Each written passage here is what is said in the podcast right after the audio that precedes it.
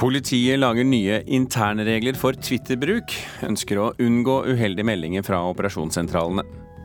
Ordet terror er så mye brukt at det blir utvannet og mister sin slagkraft, mener språkprofessor. Og i sommer kan du for første gang oppleve Henrik Ibsens episke dikt om sjømannen Terje Vigen som musikal.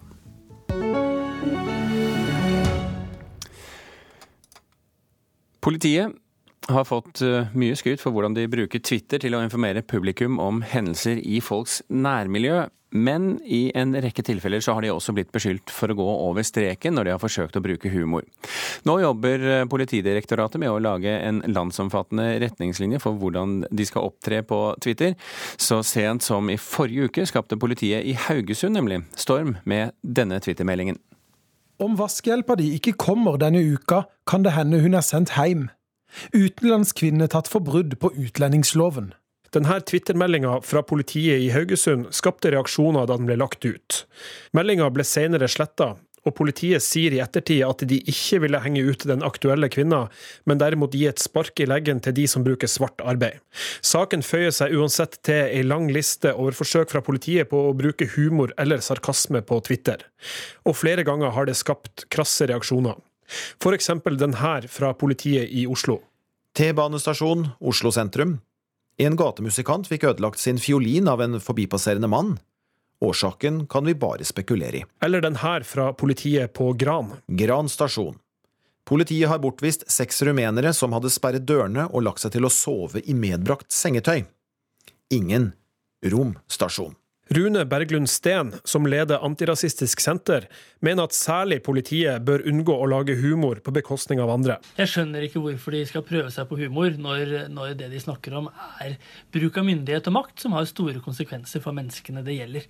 Eh, og de skader bare sitt eget renommé og sin egen standing på den måten her. Politiet er avhengig av tillit. Han synes nå at begeret begynner å bli fullt. Politiet sender nok ut ganske mange tweets hver dag, og det meste er nok helt kurant, men, men det er rart rart med at disse feilskjærene kommer såpass regelmessig. Det bør være mulig å stramme opp dette her, så vi, vi slipper disse ganske tåpelige og noen ganger litt stygge tilfellene. Kjersti Torbjørnsrud, som er medieforsker ved Institutt for samfunnsforskning, ber også politiet om å være mer seriøse. Altså, jeg tenker at uh, For publikum så er det viktig at, uh, at uh, etater som politiet oppfattes som seriøse, først og fremst. Og at de skal oppføre seg nøytralt og, og serviceinnstilt overfor alle det, dem de skal hjelpe. Og i politiets tilfelle så er det jo gjerne snakk om situasjoner som er alvorlige for de det angår. Og det å da prøve å være morsom, det kan jo både oppleves eh, sårende og upassende, tenker jeg. Politiets morsomste twittermeldinger har gleda mange, og er også gitt ut i bokform. Men politiet varsler nå at de vil se på hvordan de opptrer på Twitter. Kommunikasjonsdirektør i Politidirektoratet, Margrethe Halvorsen, sier at de nå vil lage nye retningslinjer som skal ut på høring. Det som er målet, er å få eh, Twitter-bruken fra operasjonssentralene mer systematisk og likere, og ikke så personavhengig og tilfeldig som det har vært eh, mange steder nå. Og det kan ligge an til at politiet toner ned bruken av humor? I de retningslinjene vi skal ha på høring nå, så maner vi til forsiktighet med bruk av humor og ironi. Og det er jo fordi vi ser at det er enkelte tweet fra politiet som eh, er uheldige og skaper eh, diskusjon, og eh, det må vi være varsomme med. Så vi kommer nok til å sende dette høringsforslaget med en tydelig eh, anbefaling om at vi må være varsomme med bruk av humor og ironi. Reporter her, det var eh, Oddvin Aune. Eirik Bergesen, humorist og manusforfatter og tidligere diplomat under UD, velkommen til Kulturnytt. Takk for det. Er det lurt av politiet å tone ned humoren sin? Jeg syns at uh, politiet har funnet en sjanger her som uh, ja, De har sett funnet den opp selv. Og jeg tror det har hatt veldig mye å si for å folkeliggjøre politiet. og vi har jo nok av reportasjer med politifolk som står og sier at de av hensyn til etterforskningen ikke kan si så mye. Eh, og altså, Mesterne på dette området er jo rett og slett blitt eh, politiet. De har, Det blir sagt her at eh, de bør ta disse tingene mer alvorlig, men det å, å tulle betyr ikke at man ikke tar noe alvorlig. At ikke man kan gjøre det uh, uten å på en måte ved å bevare alvoret. Og det syns jeg faktisk de klarer. Og den de tuller aller mest med, er jo seg sjøl. Og som etat så tror jeg nok politiet har godt av å, å være ja, litt, litt, mer uformelle og uhøytidelige. Men hvor mye skal politiet ta hensyn til hvordan folk oppfatter denne humoren?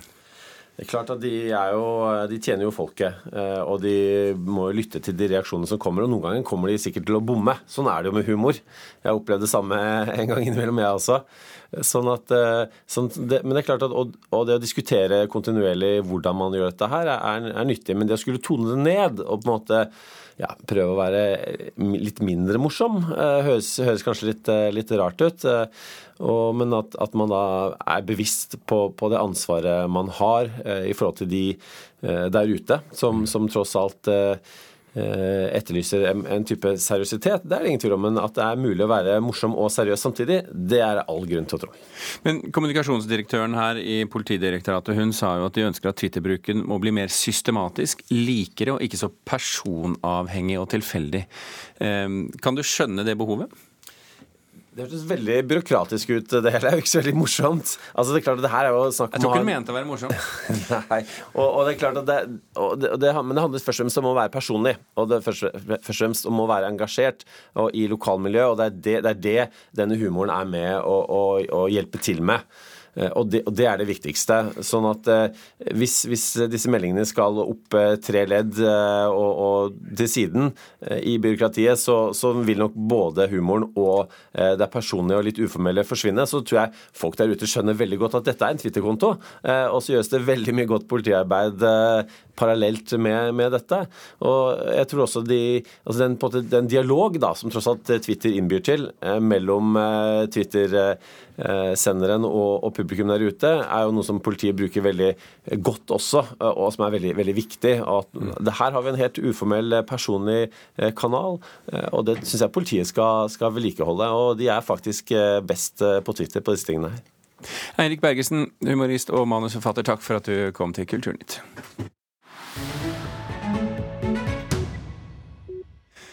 Den eh, økte bruken av ordet terror gjør at ordet mister slagkraft og meningen utvannes. Det sier tidligere språkdirektør og språkprofessor Sylfest Lomheim. Bruken av ordet terror i riksavisenes papirutgaver har økt kraftig de siste to årene. Det viser en undersøkelse NRK har foretatt. Med unntak av 2011, eh, selvsagt, så har bruken vært stabil, frem til den altså økte for to år siden. På gaten i Oslo syns folk det er forståelig. Stemmer vel med virkeligheten. Det var ikke så mye terror før i vår vestverd. Nei, altså Det som har vært som har blitt omtalt som terror, er jo klare terroraksjoner. Så det er jeg jo helt enig i. Det, er jo, det føles jo som at det har skjedd mye mer de siste to årene enn det har gjort tidligere. Og det er noe av forklaringen på at ord som begynner med terror, har vært mye oftere å se i avisspaltene de seneste to årene, sammenlignet med årene før. Det sier Katrine Moe Torleifsson, forsker ved Senter for ekstremismestudier. Så Noe er jo knyttet til økningen i antall terrorangrep, spesielt i Vest-Europa. At den har, i hvert fall når det gjelder jihadistisk terror, gått opp. Så da er det klart at ordet blir brukt mer. NRK har gjennomgått bruken av ord som begynner med ordet terror i riksavisenes papirutgaver de seneste ti årene. Med unntak av i 2011, da angrepene på Utøya fant sted, har bruken vært stabil, frem til det økte kraftig for to år siden. Torleifsson mener mediene er blitt mer slepphendte med bruken av ordet terror, uten at man helt vet motivene til gjerningspersonen. Ja, det tror jeg absolutt at det er nå, fordi det er en del angrep også i Europa. Så blir dette mer bevissthet rundt. Det er også en stor fryktindustri som spiller på borgeres redsel for framtidige angrep, og har også interesse av at en sånn slags krisestemning opprettholdes. ikke sant? Fordi da kan de legitimere unntakstilstand og ulike former for politikk som innskrenker også rettigheter. På gata i Oslo er folk enige i at ordet terror skaper frykt. For terror er et hemstord, og er det terror, så er det terror. Så man føler kanskje etter hvert at um, terror blir brukt såpass ofte også at det på en måte preller litt av. Så noen syns kanskje at det brukes for ofte at det blir en sånn skaper frykt. Eh, man kan jo vente med å bruke ordet terror til man er mer sikker, og ikke hoppe på den terrorbølgen med en gang. Reporter her Tone Staude og Gjermund Jappé. Sylfest Lomheim, professor emeritus og tidligere direktør i Språkrådet, velkommen til Kulturnytt. Takk for det. mister sin betydning, sier folk her. Har folket skjønt det? Ja, det er tydelig at en del har tenkt over dette her. Og eh, terror er jo et forferdelig ord. Og eh, da må vi ikke bruke det i altfor mange sammenhenger der det kanskje ikke er opplagt terror. For det taper vi jo alle på. Men man må jo bruke det hvis situasjonen tilsier at det er mye mer terror? Sjølsagt, sjølsagt. Og terror betyr jo ikke bare at det er djevelskap og forferdelige ting som skjer. Det er ikke terror nødvendigvis. Terror er når personer med vilje og med planlegging ønsker å skape kollektiv frykt i samfunnet. Og det betyr jo f.eks. at en massemorder er ikke nødvendigvis en som driver med terror. Eh, altså, til mer vi bruker et ord i ulike sammenhenger, til mer svekker vi ordet, og det er vi ikke tjent med. Mm. Etikkredaktør i eh, NRK, Per Arne Kalbakk, velkommen til deg også. Takk. Er du enig i at ord mister sin betydning ved hyppig bruk? Det kan i hvert fall gjøre det. Og hvis de overbrukes, og hvis de brukes om, eh, om alt mulig rart. Eh, så det er klart at det er et, et fenomen vi må være oppmerksomme på. At vi som medier må forbeholde bruken av, bruken av betegnelsen terror og terrorhandlinger på det som både forskeren i innslaget og Silfes Lomheim påpekte. Altså politiske, ideologiske eller religiøse voldshandlinger som har som mål å ramme videre enn de tilfeldige eller symbolske ofrene de, øh, de, angriper. Den undersøkelsen vi har gjort, Kalbakk, er jo gjennomført med tall fra papiravisene og ikke NRK. Men det er vel liten grunn til å tro at vi er noe annerledes enn papiravisene her. Er det etter ditt skjønn for mye bruk av ordet terror i vår nyhetsdekning? Det jeg tror som, eh, som, en generell betraktning ikke det. Og jeg er helt enig med alle som har sagt her at eh, det ordet skal vi vente med å bruke i hvert fall som en, eh, som en betegnelse vi setter på det som har skjedd, før det faktisk er bekreftet at det er en sånn motivasjon om å skape frykt, destabilisere, ramme et, ramme et samfunn eller en gruppe i samfunnet ut, utover gåsehendene bare ofrene, som selvfølgelig blir rammet av en forferdelig tragedie uansett. Og vi har som tommelfingerregel at vi bruker ikke den betegnelsen før dette er blitt bekreftet fra politi, politiske myndigheter, at det faktisk eh, kan være tale om et terrorangrep, eller at de mistenker at det er det som har skjedd. Men, men kan også politiet være for raskt ute med bruken av ordet terror? Ja, det kan de. Og det holder normalt sett ikke for oss å bare konstatere at det sier de. Eh, vi vil jo også se på hva eventuelt eh, gjerningsmann eller gjerningsmenn har sagt i avhør osv., og, så og forsøke å Samtidig som vi selvfølgelig må referere det de, det de sier. Men jeg har ikke ikke inntrykk av at de generelt er for tidlig ute med å gjøre dette. Og vi får jo like ofte kritikk og negative reaksjoner fordi vi venter, nettopp fordi vi venter med å si at dette var en terrorhandling. Mange mener, både etter angrepet som var nå i går, og de tidligere angrepene i London og Manchester, at dette skulle vi sagt med en gang. Men det kan vi ikke. Nei. Eh, Lomheim, hva blir konsekvensene av at et ord som f.eks. terror utvannes? Det, det får den konsekvensen at eh, det ikke er så tjenlig lenger for de virkelige, helt klare terrorhandlingene. Fordi, som jeg sa, når det blir brukt i litt for mange sammenhenger, så svekker vi faktisk kraften i sjølve ordet. Og Aftenposten i dag har jo en leder, typisk Norte, de skriver 'terroren har flere ansikter'. Ja, den har absolutt det, men vi må ikke gi terroren altfor mange ansikt. Da ødelegger vi faktisk for seriøsiteten i dette her.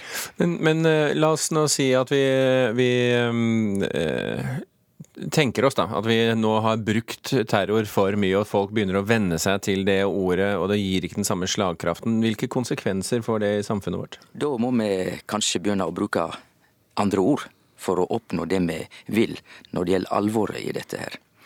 Så ehm, det er jo eh, Oppskrifta for å ødelegge et ord er å bruke det hele tida. Mm. Tenk bare hvordan samfunnet vårt, det politiske samfunnet, har ødelagt adjektivet bærekraftig, som i utgangspunktet var et veldig bra ord på 80-tallet. Nå er det stort sett ubrukelig. Ja, bare legge til da, at den undersøkelsen vi har gjort om kraftig økning i mediene i bruken av ordet terror, i denne perioden uh, har det også vært en kraftig økning i antall alvorlige terroranslag i Vest-Europa.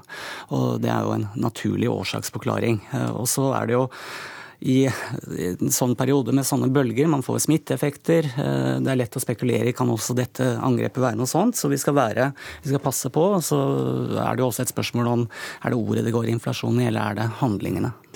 Eh, Lomheim, har du tillit til at eh, pressen har selvdisiplin nok i bruken av ordet terror spesifikt? Ja, det greie svaret på det er jo å lytte til denne programposten her. Fordi at eh, NRK er jo Kulturnytt redder verden, liksom? ja, altså eh, NRK tar jo dette såpass alvorlig at de diskuterer om vi faktisk alltid bruker terror slik vi skal. Altså, vi må ikke ha overbruk av dette ordet. Nei. Sylfest Lomheim, eh, tidligere direktør i Språkrådet, takk for at du var med i Kulturnytt. Takk også til Per Arne Kalbakk, etikkredaktør i NRK. Klokken eh, er i ferd med å runde 08.19.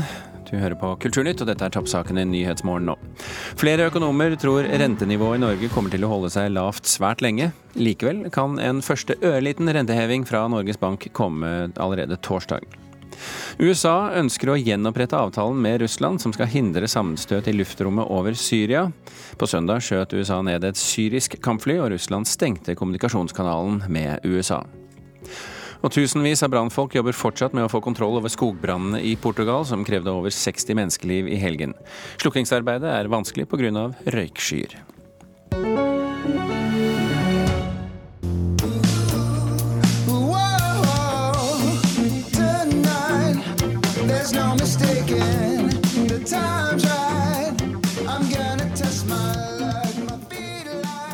Usikker på om du har hørt dette bandet før, eller denne låta før. Vi hører her på bandet The Slants, som har uh, vunnet en viktig seier i amerikansk høyesterett. De får nemlig lov til å varemerkebeskytte navnet sitt. Og Gaute Sakariassen, eh, kollega og reporter her i Kulturnytt, uh, hvorfor måtte de gå rettens vei for det? Det er fordi eh, vel, eh, navnet slant i seg sjøl er regna som en rasistisk betegnelse på eh, asiater.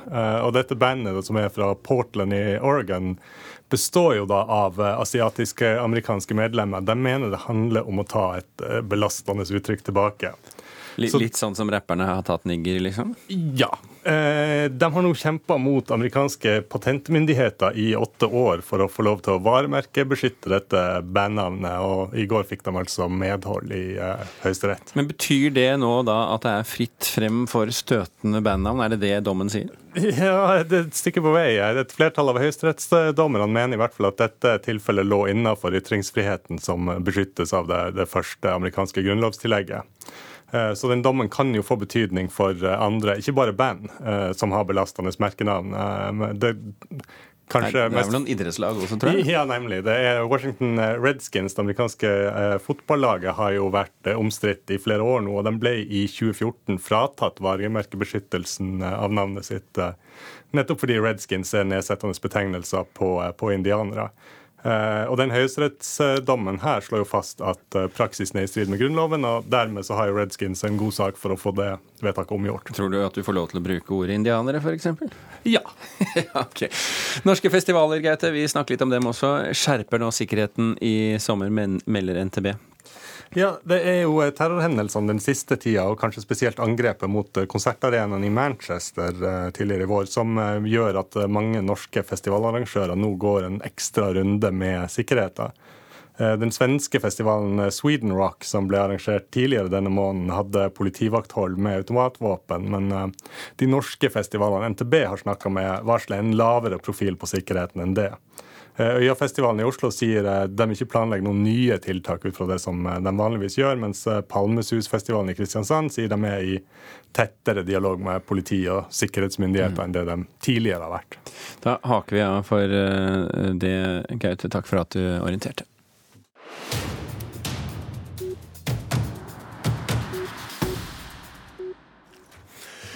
Til tross for at den amerikanske forfatteren Richard Ford har vunnet flere prestisjetunge priser, bl.a. Pulitzer, og flere av hans bøker er oversatt til norsk, bl.a. Sportsjournalisten og Uavhengighetsdagen, så er han en forfatter som går litt under radaren for de brede lesemassene. Nå er riktignok enda en bok fra hans produksjon oversatt til norsk. Den heter Mellom dem, og litteraturkritiker her i NRK, Leif Ekele.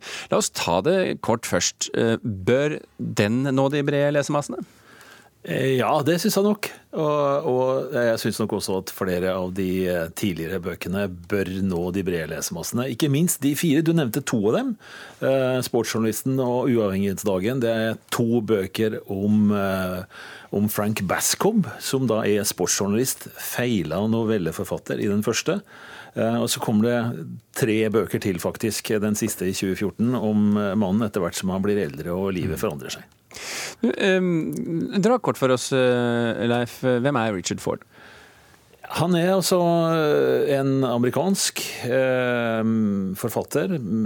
Romaner og noveller. Ikke så forferdelig mange, men, eh, men, de er veldig gode alle sammen. Eh, noen er helt eksepsjonelt gode. Han er en forfatter som skriver i en særegen, nokså amerikansk realistisk stil. Han har en bakgrunn fra sørstatene, men også fra lenger nord. Og, og, og, skriver veldig tett opp til eh, det vanlige mennesket, gjennomsnittsmenneskets liv. Da. Han sammenlignes ofte med de store amerikanske forfatterne, men det vil han strengt tatt ikke ha noe av, har jeg inntrykk av? Nei, han er tvilende Ja, men det finnes jo også en historie om en at han så sent som for et år eller to siden eh, hadde ønske om å hevne seg på en, eh, en kritiker som skrev stygt om en novellesamling i 2001. Ja. Mellom dem ja. denne nye romanen eh, på norsk. Eh, hva slags bok er det? Det er det som amerikanerne, og sikkert også britene, i engelskspråklig litteratur kalles en memoar. Altså Det er ikke det samme som en politisk memoar. Men en memoar det er en litterært i formen, men ikke fiksjon. Dette begynner å komme som form i Norge mer også, men i, mens det i engelskspråklig verden ofte kommer fra, fra den skjønnlitterære sida, så kommer det nok opp i Norge fra sakprosaens side. Men det er altså en fortelling eh, der eh, Faktisk er det to fortellinger. Der eh, Richard Ford skriver om sine foreldre, sine minner om dem, hva han husker, men også hva han ikke husker fra den enes ståsted først, faren, og så moren. De er skrevet med 30 års mellomrom, og det er en god stund siden eh, begge er skrevet. Men faren døde vel litt tidligere enn moren også? Ja, faren som... døde i 1960, mm. Eh, da Richard Ford var 16 eh, år. Og En av de sterkeste scenene i, i denne boka er nettopp når han forteller om at han sitter oppå faren og prøver å blåse liv i ham mens hjerteinfarktet tar, tar, livet av faren.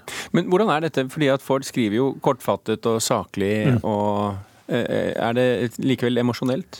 Ja, det er det, som, det er det som på en måte løfter Richard Ford da, eh, også her. Eh, den er kortfatta, som du sier. Det er nesten helt lakonisk noen ganger. Han sier også det på slutten av boka, at han har vært forsiktig med å, å, å skrive med for store ord. Han vil ikke gjøre foreldrene til noe mer enn det de var. Men allikevel så, så, kommer følelsen, emosjonen, som du sier, da. Gjennom, gjennom, denne teksten. Eh, og, og, og, rettferdiggjør eh, det å fortelle om to høyst alminnelige mennesker ja. i USA på 40-, 50-, 60-tallet. Og uh, For å gjenta der vi startet, en anbefaling fra deg, med andre ord? Det kan du si. Vi snakker om altså Richard Ford, romanen 'Mellom dem'. Boken er oversatt av Christian Rugstad, og vi takker deg, Leif Ekle, for at du leste den for oss. Ok. I sommer kan du for første gang oppleve Henrik Ibsens episke dikt om sjømannen Terje Vigen som musikal. Det skjer i steinbruddet i Fjæreheia i Grimstad, like ved graven som inspirerte Ibsen til å skrive diktet. Pass opp, nå, kommer, nå blir det vått her. Det går med noen liter vann når utendørsscenen i steinbruddet i Fjæreheia i Grimstad skal forvandles til hav, med et stort seilskip og en liten robåt. Til musikalen Terje Vigen. Nå fyller jeg eh, 20 bøtter med vann til eh, seilerne, som de skal danse med og hive det utover eh, over dekken på skipet. Sier rekvisitør i Kilden teater Tine Hjelmrud, Scenegulvet i steinbruddet er dekka av blåmalt seilduk, som i perioder under forestillinga blir plaskende av vann. Vanligvis er jo det av regnet, men nå er det ups, i mer kontrollerte former. Sånn som dette nesten ble. Det er første gang Henrik Ibsens episke dikt om sjømannen som rodde til Danmark for å skaffe mat til familien, blir gjort om til musikal. Da Stura Terje en dag eller to, så rista han sorgen av. I forrige uke starta de første prøvene i steinbruddscenen.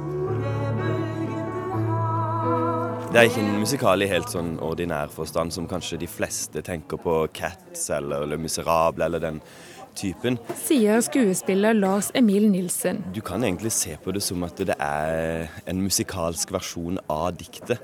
Der er fem solister som forteller historien, som ja, går ut og inn litt av karakterer.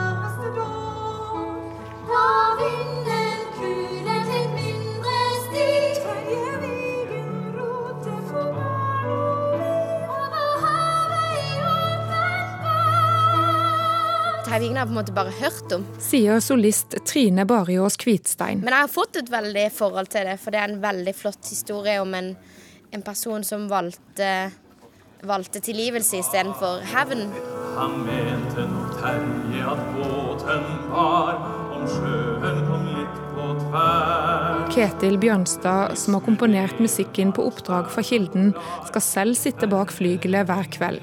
Og solistene får støtte av kor og musikere og dansere og skuespillere. No, never, never, never. So the, the legend or the myth of Terje Vigen I've never beforehand heard, no. Terje Vigen formidles av danseren Thomas Young fra Frankrike og England. Because I don't know so much, I go from a complete like blank uh, I Han kjente ikke til diktet fra før, uh, men gleder seg til å gjøre Vigen levende gjennom dans.